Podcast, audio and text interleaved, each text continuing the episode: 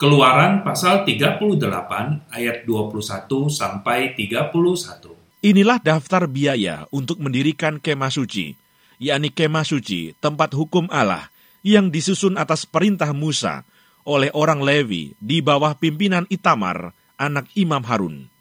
Besaleel bin Uri bin Hur dari suku Yehuda membuat segala yang diperintahkan Tuhan kepada Musa, dan bersama-sama dengan dia turut Aholiab anak Ahisamah dari suku Dan, seorang tukang dan ahli, seorang yang membuat tenunan yang berwarna-warna dari kain ungu tua, dari kain ungu muda, dari kain kirmisi, dan dari lenan halus.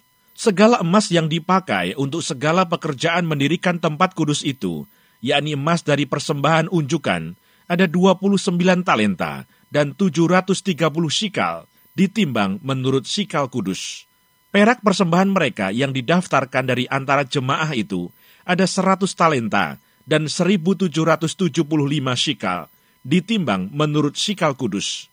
Sebeka seorang, yaitu setengah shikal, ditimbang menurut shikal kudus untuk setiap orang yang termasuk orang-orang yang terdaftar yang berumur 20 tahun ke atas, sejumlah 603.550 orang.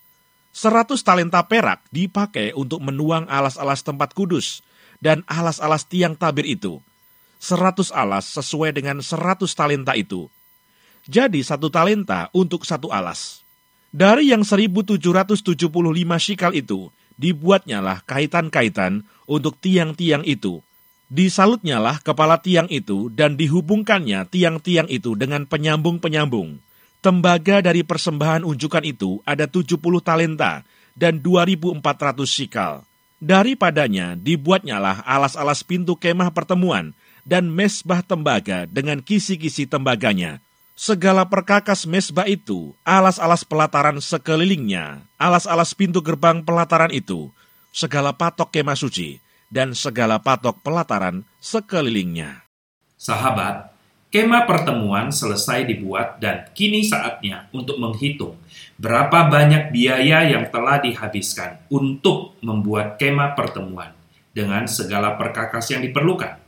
Ketika kita membaca bagian ini, otak kita berputar dan mulai membayangkan berapa harga emas per gramnya, berapa harga perak per gramnya, lalu dikalikan dengan jumlah yang tertulis di bagian ini Terlalu mahalkah untuk sebuah kemah pertemuan?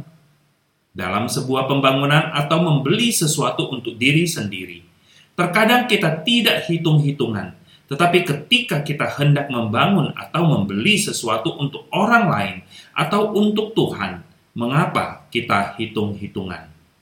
Jika kita menyadari bahwa apa pun yang kita miliki adalah titipan Tuhan, maka kita tidak akan memiliki hati yang demikian.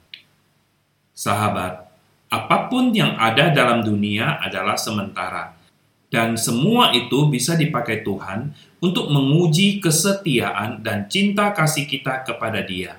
Layakkah kita disebut sebagai orang yang mengasihi Dia, yang telah rela memberikan nyawanya bagi kita? Amin.